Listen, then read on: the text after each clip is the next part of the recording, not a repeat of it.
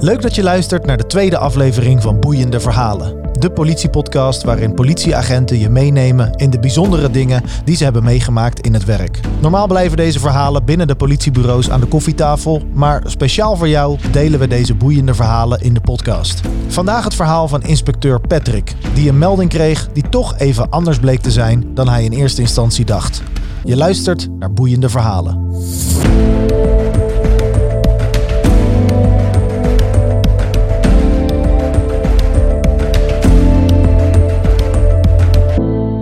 Ik zat nog niet zo heel lang in Rotterdam. Ik had uh, daarvoor al uh, ja, een tijdje in een andere regio gewerkt. En uh, ja, ik werkte in een, uh, wat nu een basisteam is.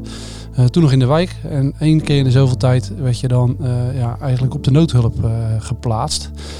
Dus nou, ik, een, een late avonddienst. Volgens mij was het op zaterdagavond. Ik weet niet meer precies hoe laat het was. Maar ja, al tegen, tegen het middernacht aan. En uh, nou, samen op de bus. En wij krijgen de melding uh, van een steekpartij ergens in een woning. En er was een hoop onduidelijkheid uh, op de centrale. En ja, ze wisten niet precies hoe het zat. Dus we moesten toch wel rekening houden met ja, mogelijke messen nog in de woning. Nou, dan ga je te plaatsen. En dan ga je met je maat natuurlijk ook de nodige voorzorgsmaatregelen nemen. Want ja, je wilt natuurlijk niet dat je met, met een mes gestoken wordt. Nou, in die tijd uh, hadden we nog uh, onze vesten onder het overhemd. Dus uh, nou ja, nog een vest eroverheen, wat nu het zware vest is.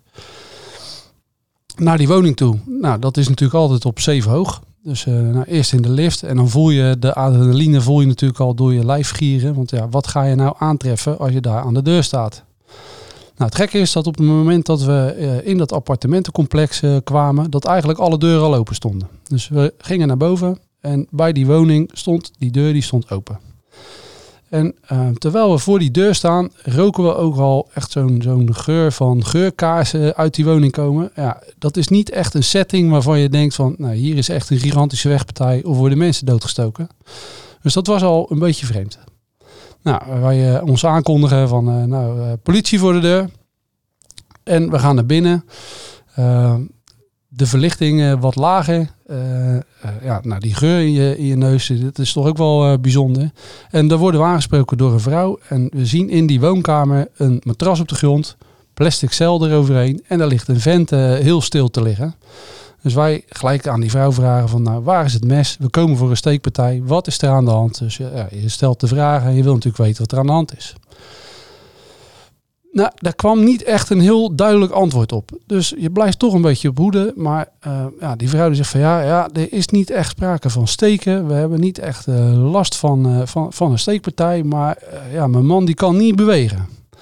Ja, wij kijken nog eens zo naar die man. En ja, die bewoog inderdaad niet. Had wel een wat pijnlijk gezicht op dat moment.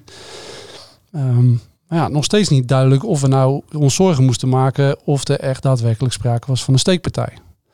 Het enige wat die vrouw wel wilde was zo snel mogelijk ambulance. Nou, dat uh, geluk hadden we. Die was vrij snel na ons in die woning. En uh, ja, die vrouw die zegt van ja, die ambulance moet wel komen, want ja, mijn man heeft er echt wel heel erg veel last van. Ja, waar heeft hij dan last van? Ja, ja van zijn aanbijen. Nou, toen keek ik mijn maat elkaar aan. Wisten we het helemaal niet meer. Maar gevaar was weg. Ambulance kon erbij. Ambulancebroeders naar die man toe om te kijken wat er nou aan de hand was. En na een minuut of vijf tot tien komt een van die ambulancebroeders naar ons toe en die zegt, nou, je hoeft je geen zorgen te maken. Die man uh, die heeft uh, geen aanbijen. Maar uh, nou, hij heeft wel behoorlijk wat pijn, want ja, er zit een pen in zijn anus. en nou, toen begon, viel bij ons wel het kwartje. kaarslicht, laag gedoogvuur, een zeiltje op de grond. Uh, ze waren flink aan het experimenteren geweest. En dat was niet helemaal goed gegaan. Ja, dat ga je natuurlijk ook niet aan een centralist vertellen. Uh, maar we zijn wel met een grote glimlach op ons uh, gezicht weer, weer naar beneden toe gegaan. Bedankt voor het luisteren van deze aflevering van Boeiende Verhalen. Laat via Instagram even weten wat je van deze aflevering vindt en wat voor verhalen je in de toekomst wil horen. Je kan dit doen via Niels politie. Volgende week is er weer een reguliere aflevering van Boeiende Podcast. En de week daarna is er weer een aflevering van Boeiende Verhalen. Want vanaf nu hebben we elke week een upload op dit podcastkanaal. Dus vergeet niet om te abonneren en natuurlijk om een positieve recensie achter te laten. Bedankt voor het luisteren en tot volgende week.